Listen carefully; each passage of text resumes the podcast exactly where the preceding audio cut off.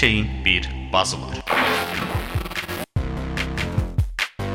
Biri sözbaz, biri qumarbaz, biri nağılbaz. Axşamınız xeyir olsun, əziz gənclərin səsi dinləyənləri.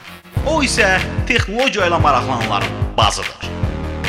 Beləliklə studiyada mən, Böyük Vahid, Hər həftənin cümə axşamı texnologiya ilə maraqlananlar üçün Vahid Qasımovun təqdimatında Texno Bas.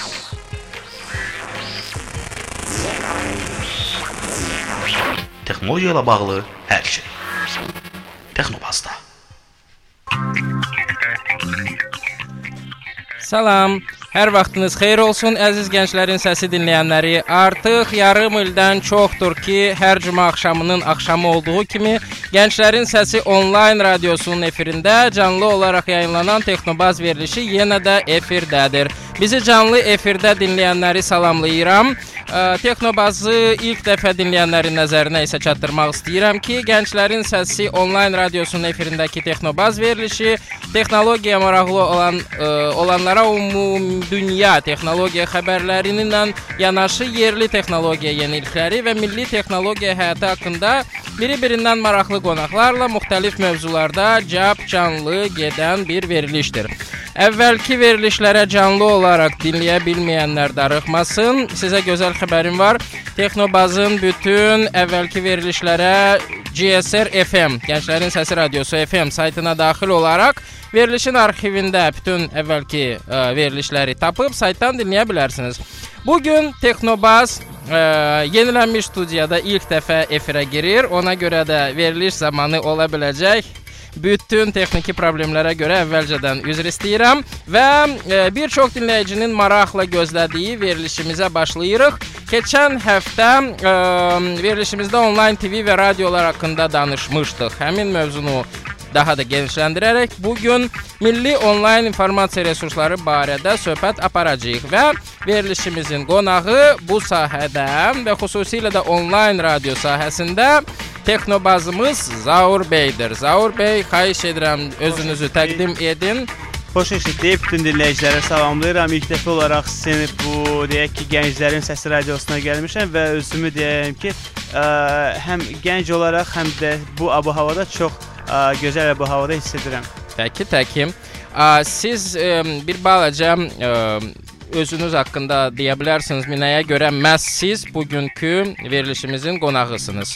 Ə, yəqin ki, ə, deyək ki, gənclərin səsi dedikdə ə, mən düşünürəm bu Yəni radioda gənc olduğunuz üçün və səsiniz olduğuna görə hər halda bura gəlməmisiniz. yox. İnformasiya resursları ilə əlaqədar yaxınlığınız nədir? Növbəti də- dəvət etsəydiniz mən artıq gənc olmazdım. Çünki bildiyimə qədər 29 yaşına qədərdir Azərbaycanda gənclik.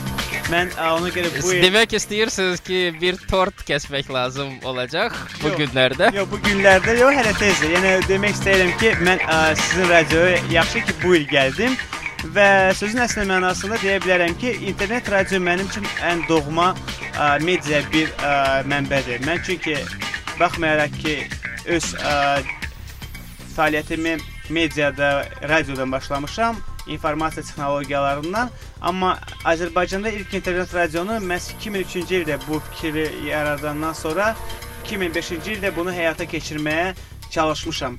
Amma çox deyək ki, bütün gənclər də indi bizi dinləyirlər. Hətta bu mövzunu ə, daha deyək ki, yaxşı bilən insanlar da var. 2005-ci ildə çox belə ə, çətinliklər olmasına baxmayaraq 2007-ci ildə aidiyyətli insanlarla o radionu həyata keçirməyə çalışdıq və o radio öz ə, deyək ki, layihə həllini tapdı. Bizim e, gənclərin səsinin digər radiolardan bir balaca fərqi var. Bizim radionun efirində bütün adları və e, necə deyirlər, şirkətlərin adlarını çəkmək mümkündür. Bu reklam hesab olunmur. Ona görə zəhmət olmasa Dəqiq adı deyək ki- yazım ki, adlarınızı çəkəcəm bu reklam olaraq. Onlardan mən pul alım da, heç olmasa. problem yoxdur. Problem yoxdur ola Yəni bilərsiniz. Deyaz radiosu ilk dəfə olaraq 2003-cü ildə ideyası yaranmışdı. İlk dəfə olaraq o radionun ideyası ə, mən INS ə, TM radiosunda çalışanda yarandı. Fikirləşdim ki, nəyə görə Azərbaycanda internet radio yox? Bu arada deyək ki, xatırladaq ki, INS GM-in radiosu ümumiyyətlə Azərbaycanda ilk internet layihələrin içərisində internet radio idi. Hələ 1900-cü illərdə, keçən əsrdə yayımlanırdı və xaricdə yaşayanlar da onu həsrətlə dinləyirdi. Tam razıyam. Amma sırf olaraq internet radio Azərbaycanda yayımlanmır. Yəni sırf olaraq deyək ki, Azərbaycan musiqisini bütün dünya ictimaiyyətinə çatdıran və Azərbaycan musiqisi ilə ə, tanınan bir radio yox idi. Ona görə biz düşündük ki, Aha. Biz belə düşündük ki, ə, Azərbaycanda xüsusi internet radio layihəsi yaranmalıdır. Baxmayaraq ki, bəzən ə, insanlar düşünürdülər ki, heç bir internet radio o qədər də uğurlu olmayacaq, çünki o zamanlar bildiyiniz kimi internetin sürəti kifayət qədər zəif idi. O vaxtlar hə. Amma Yadınızda- hal-hazırda heç də elə deyil. Ha, hal-hazırda yəni mən ə, sizin radionuzu dinləyəndə digər radionu, yəni FM dalğasına dinlədiyim radionun fərqini heç də hiss etmirəm. Və belə oldu ki, həmin radio layihəsi 2007-ci ildə Deyaz Radio kimi fəaliyyətə başladı. Aha. Ə, belə deyək, onun ə, mövzusu ə, nə idi? Yəni ki, sadəcə Ümumiyyətlə- musiqilər yoxsa hansısa verilişlər və s. efirdə var idi. Ümumiyyətlə deyə bilərəm ki, onun əsas mövzusu ə, bütün dünya azərbaycanlılarına Azərbaycan musiqisini təbliğ etmək idi. Mhm. Əsas məqsəd sözün əsl mənasında Azərbaycan musiqi mədəniyyətini və tarixi irsini təqdim etmək idi. Çünki bildiyiniz kimi Deyaz bütün dünyada tanınan bir informasiya portalı olaraq oxunurdu o zamanlar və o zamanlar ə, həmin ə, YouTube portalı da artıq inkişaf etməkdə idi və MP3 saytları da öz inkişaf etmək dövrlərini başlamışdılar. Bəzən insanlar düşünürdülər ki, nəyə görə mən hər hansı bir internet radionu dinləyim, mən eyni anda istədiyim mahnını YouTube-da daxil olub dinləyə bilərəm. Bəli. Amma o zamanlar yenə də YouTube o qədər inkişaf etməmişdi. Mən indiki düşüncə ilə digər ə, əvvəlki düşüncəni müqayisə etmək üçün onu dedim. O zamanlar ə, biz fikirləşdik ki, təsəvvür edirsiniz ki, hər hansı bir Azərbaycanlı ailə və ya hər hansı bir Azərbaycanlı tələbə ə, xaricdə təhsil alır, amma əzizləri, deyək ki, valideynləri Azərbaycandadır. Və o Azərbaycan radiosu vasitəsilə Rəşid Behbudovun ana ha haqqında mahnı və ya Bakı haqqında mahnını öz əzlərinə həsr edir. Və bu həmin ərəfənin deyək ki, böyük bir layihəsinə çevrildi. Çox romantik danışdınız bu ara. Ə, amma həqiqətən də elədir. Ə, xaricdə o zamanlar təhsil alan bir insan olaraq ə, yəni o vaxtı Deyaz radiosu hələ yox idi, amma INSGM radiosu var idi və həqiqətən Amma- də INSCM radiosunda razılaşmaq lazımdır ki, mən INSCM radiosunu çalışaraq deyirəm ki, mənim istədiyim ərəfədə orada internet radio yox idi. Hətta orada da həmin təşəbbüsü irəli sürdüm. Eyni layihə ilk dəfə olaraq INSCM radiosunun rəhbəri INS ə, Teleradio yayım şirkətinin prezidenti Vahid Mustafayev təqdim olmuşdu. Vahid Mustafayev təəssüf ki, o layihəni qəbul etmədi. Müəyyən vaxtdan sonra çox insanlar onu təqdim edəndən sonra onu ə, çox sevdiyimiz, hörmət bəslədiyimiz, tanınmış ə, bizim sevdiyimiz ə, eks millət vəkili Anar Məmmədxanov onu qəbul etdi və dəstəklədi. Mhm. Və onun deyək ki, sayəsində bu layihə öz deyək ki, ə, deyək ki, sözün əsl mənasında öz həllini tapdı. Burada başqa bir məsələ var. Son zamanlar artıq internet radio o qədər də inkişaf edir ki, insanlar artıq internet radioya ə, internet radio kimi münasibət bəsləmirlər. Və o zamanlar da artıq başlamışdı xaricdə insanlar internet radionu dinləyirdilər evdə və belə bu havada ki, bunlar artıq Azərbaycanda Azərbaycan radiosunu dinləyirlər. Maşında dinləməyə başlamışdılar. E, Eləcə də olmalıdır. Siz ə, belə deyək, ə, repertuarda ancaq milli mahnılara hər halda Ancaq- yer vermirsiniz, yoxsa Yox, bizim ə, Deyaz radioda ancaq Azərbaycan musiqiləri yayımlanırdı Mhm. və deyək ki, həm bu problemlər təşkil etmir ki, aydın məsələdir ki, Azərbaycan mədəniyyəti və eləncə də milli musiqi kifayət qədər inkişaf edib, ə, amma yenə də ə, ancaq və ancaq milli musiqinin üzərində Xeyr. Həmin milli musiqini tanıtmaq üçün onun deyək ki, əsaslarını biz çağırırdıq. Gün ərzində sosial layihələr, növbəti xəbərlər departamenti yarandı, sonra digər proqramlar departamenti yarandı və hər gün maraqlı verilişlər, idman departamenti yarandı.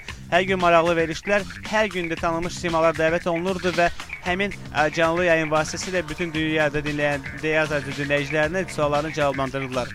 Və bu ərəfədə də demək istəyirəm ki, həmin ərəfədə çox sevindirici haldır ki, bir çox internet radiolar açılmağa başladı və onların arasında ə, Muğam radioda ə, fəaliyyətə başladı. Aha. Bildiyiniz kimi Muğam radioda çox uğurlu bir layihə olaraq internet radio Azərbaycan internet deyim ki, ə, tarixində böyük bir layihə kimi yadda qaldı və yadda yadda qalacaq. Çünki onun musiqi ə, fondu, deyək ki, onun qızıl muğam fondu indi indi də olaraq və inanıram ki, növbəti illərdə də hətta 20 il sonra belə bütün dünyaya yayımlanacaq.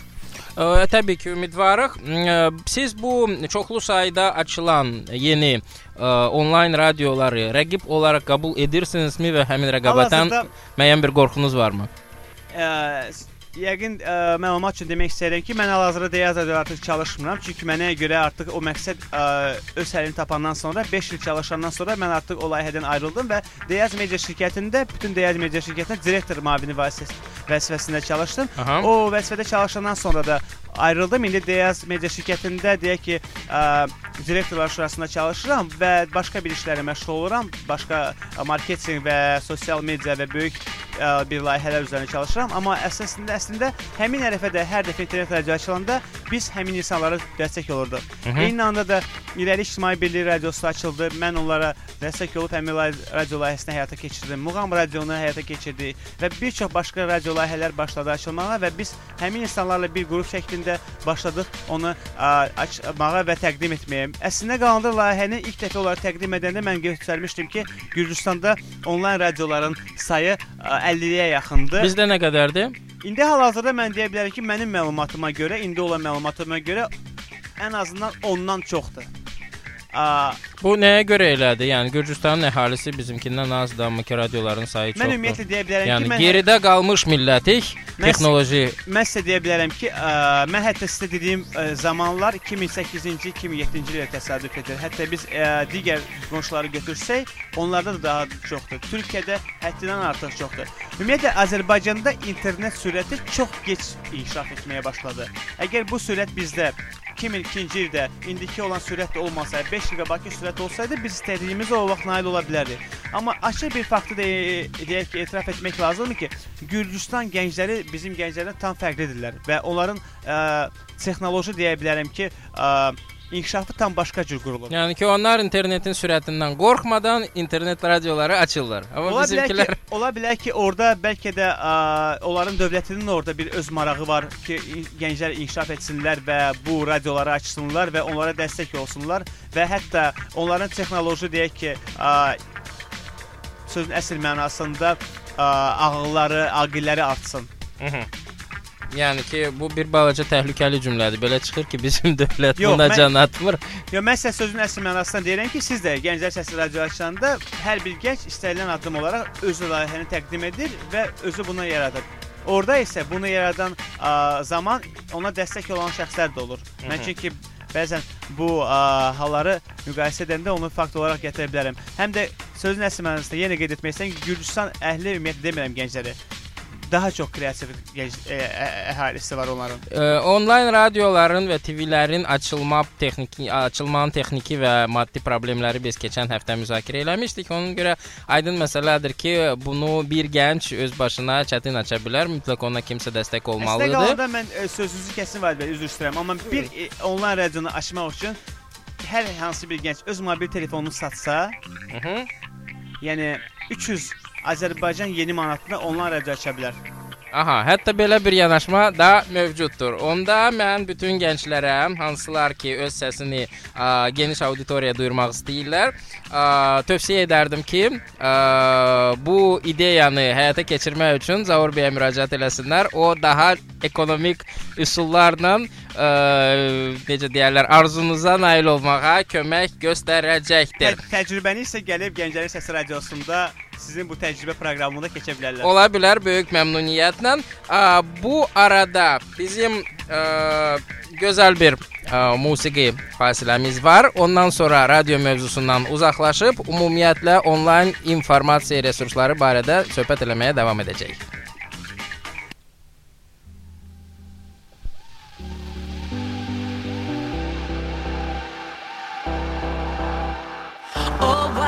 Why are waiting so long? I'm suffocating. Oh, why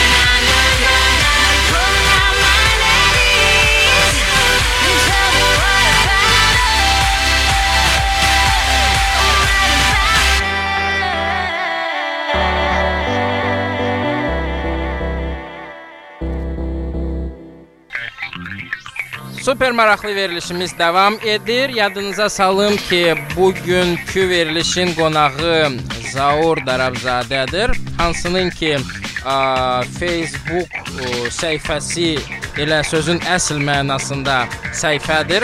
Ə, yazılır ki, bu public figure'dır və burada eyni zamanda yazılır ki, bu adam Deputy Director of Deyaz Media Company. Yəni ki, Deyaz Media qrupunun müavini. Deyaz Media qrupu nədən ibarətdir?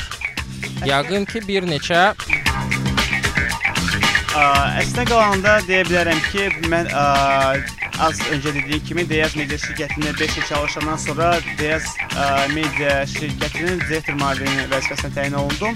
Amma ora radio layihəsini təqdim edəndən sonra 5 il ancaq radioda çalışırdım. Deyaz Media şirkəti özlərində ə, Azərbaycanda internet resurslarının deyək ki, bir çoxluğunun ə, toplusudur. məsəl üçün Məsələn, Milli Az, Tudayaz, Deyaz, ə, sonra Deyaz video, Jobs Deyaz, işlə əlaqədar bütün yəni gənclərə deyə bilərəm ki, oradan Deyazın işlə əlaqədar əgər hər hansı bir iş düzəltmə məsələlərini tapa bilərlər. Hı -hı. Bunlar hamısı özlərində bir ə, med internet media qrupudur. E, Job Deyazı qarışdırmayaq, onun mediaya çox böyük əlaqəsi yoxdur hər halda. Bunu hər hər ehtimal Qrupa daxil olsa da. O qrupa Hə. daxildir. Gəlin- Milyas xəbər portalıdır. Deyaz xəbər portalıdır və ondan əlavə də Tudayaz ingilis dilində yaranmış bir xəbər portalıdır. Xəbər portalı dediyiniz vaxtı, ə, belə deyək də, bəziləri ə, özünü informasiya portalı adlandırırlar. Yəni ki, bunlar informasiyanı özləri emal edirlər. Ə, öz xəbərləri var, öz jurnalistləri var. Ə, bəziləri isə sadəcə ə, kompilasiya ilə məşğul olurlar. Yəni ki, başqa saytlardan ə, xəbərləri götürüb tərcümə edirlər və ya sadəcə copy paste edirlər.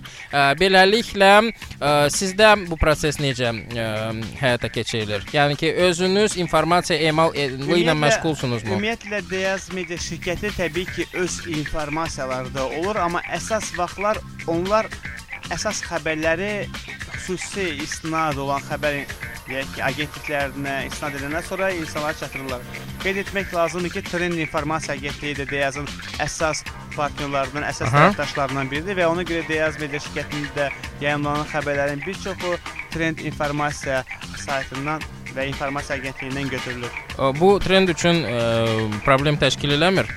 Heç də yox. Əslində qalanda ə, ümumiyyətlə istinad çox gözəl bir şeydir. Əgər hər hansı bir bizim sözümüzə gənclər səsi, gənclərin səsi radiosuna istinad edirlərsə, burada yayımlanan sözü, bu ən azından ə, və xüsusilə əgər o istinadı qeyd edirlərsə, bu ən azından gənclərin səsi radiosu üçün bir yaxşı bir haldır. Eyni anda ə, Deyas CNN, Euronews, Euronews CNN-i, CNN BBC-ni, BBC digər ki, belə informasiya deyək ki, nəhəng bir media şirkətlərinin xəbərlərini istinad edirsə, bu demək böyük bir ə, normal haldır. Əslində qalanda son zamanlar mən deyə bilərəm ki, xəbər portalları o qədər də yox, daha çox insanlar xəbərləri sosial media deyilən bir sosial şəbəkələrdən alırlar. Bəli, bəli. Və hətta qeyd etmək lazımdır ki, son zamanlar hər hansı bir hadisələr baş verəndə belə, ə, hətta keçən ay Bostonda baş verən partlayış zamanı Hı -hı. bütün xəbərləri, bütün ictimaiyyət nəinki xəbər portalı, nəinki xəbər verilişi, xəbər televiziya kanalları, internet kanalları, onlar hamısı sosial şəbəkələrdən alırdılar. Hı -hı. Və bu o deməkdir ki, həmin xəbər portalı ə, da həmin sosial şəbəkələrə istinad olaraq Bəli. xəbərləri alır və ictimaiyyətə çatdırır. Yəni bir xəbər portalı, ümumiyyətlə informasiya resursu ə, sosial şəbəkə qədər ə, operativ ola bilməzmi? Yəni hökmən gözləmək məcburiyyətindəsinizmi ki, Xeyr. tutalım ki, Yəni- redaktor xəbəri oxusun, onu redaktə eləsin, Yəni təsdiqləsin və s. deyək belə, deyək ki, belə İnformasiya portalının məsuliyyəti nə qədərdir? informasiya portalının məsuliyyəti həddindən artıq çoxdur. Çünki informasiya portalı, informasiya agentliyi hər hansı bir xəbəri dərc edəndə Aha. bu o deməkdir ki, xəbər o informasiya portalının ə, sözün əsl mənasında ə, məsuliyyəti altında dərc olunur.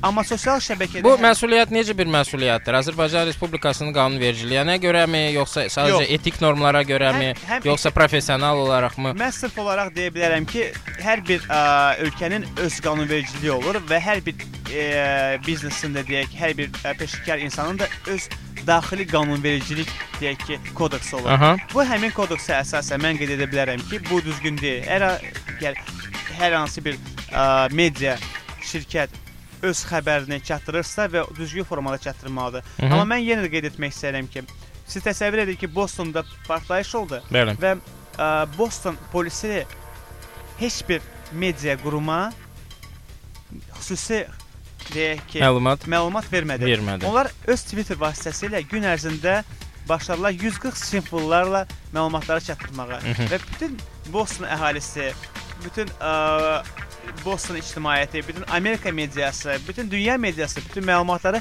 Twitterdən almağa başladı. Çünki istinad avtomatik olaraq gedib çıxır Boston ə, polisinin Twitter səhifəsinə və bu informasiya avtomatik olaraq yayılıb dünyaya və bu o deməkdir ki, sizin söz sualınıza indi cavab vermək istəyirəm həmin xəbəri deyək belə internet olmayanda biz xəbərləri gözləyirdik.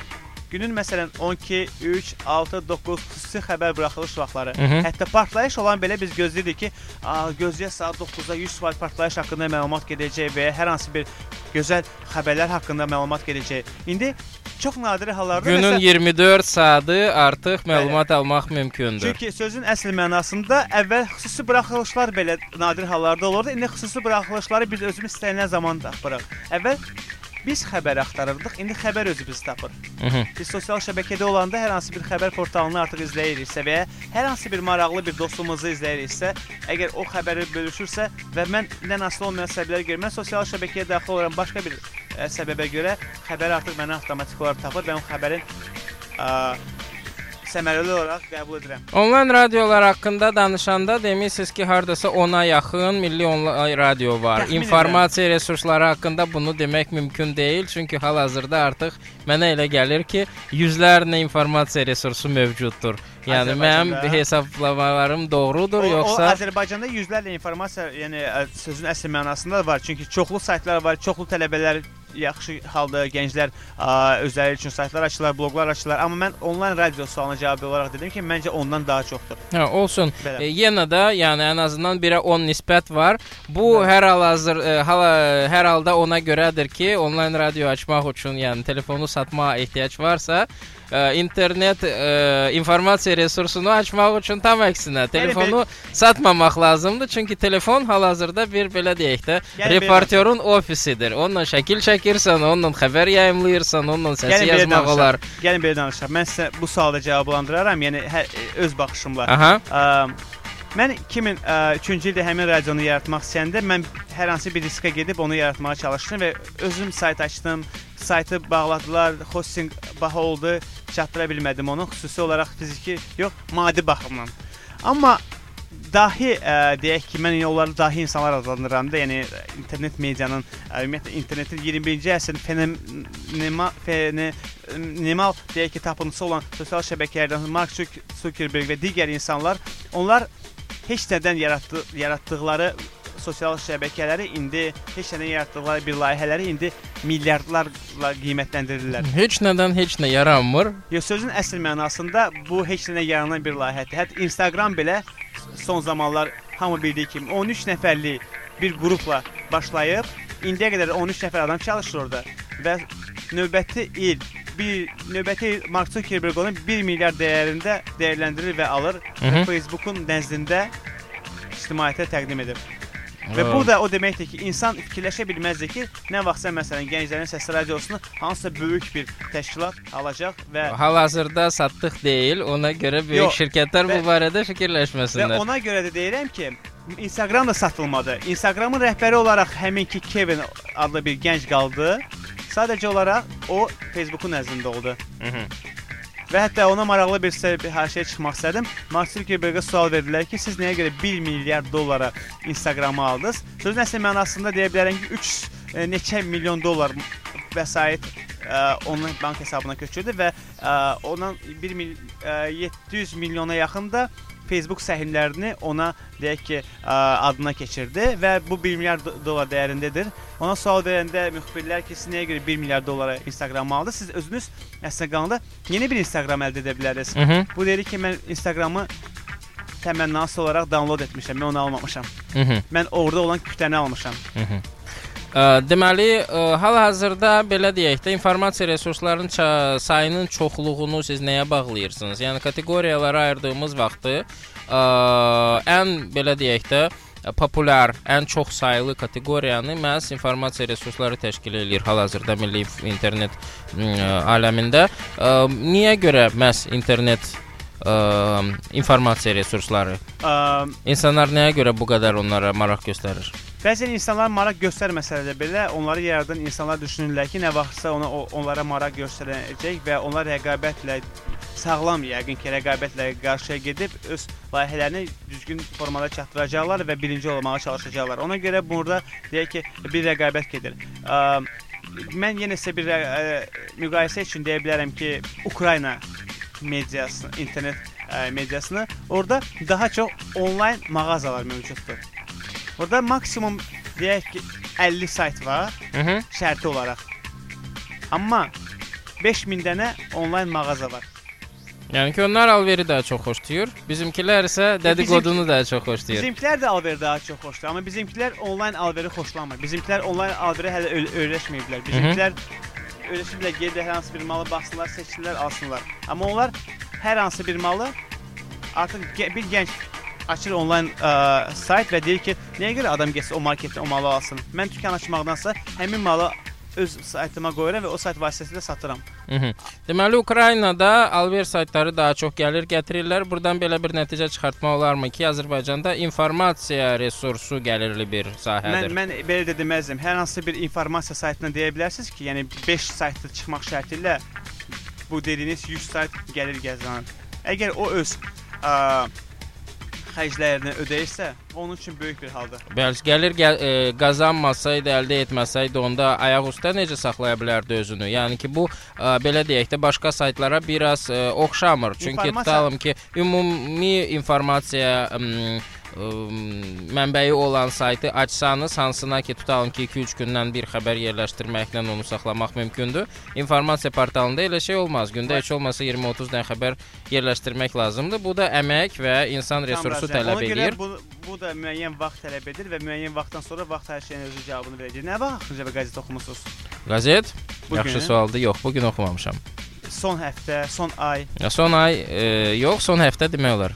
Yəni siz hər hansı bir qəzeti şəxsən deyək ki, öz məvacibinizlə alıb oxumusunuzmu? Yox, xeyr. Okay. Ə, mən də məsələn oxumamışam.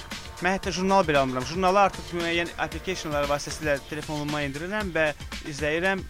Həm xarici, həm deyək ki, əcnəbi, həm Avropa, həm Amerika, həm də mənə lazım olanları. Mhm. Və əgər mən və siz dinləyicilərin qarşısında burada əgər informasiya texnologiyaları, informasiya danışıb qəzet almırıqsa, deməli biz informasiyanı saytlardan oxuyuruq. Əlbəttə. Və ona görə bu saytlar düşünürlər ki, bu kütlə çoxalacaq və onlar sağlam rəqabətlə irəli gedəcəklər və öz layihələrini gözəl bir layihə kimi inşallah deyək ki, təqdim edəcəklər.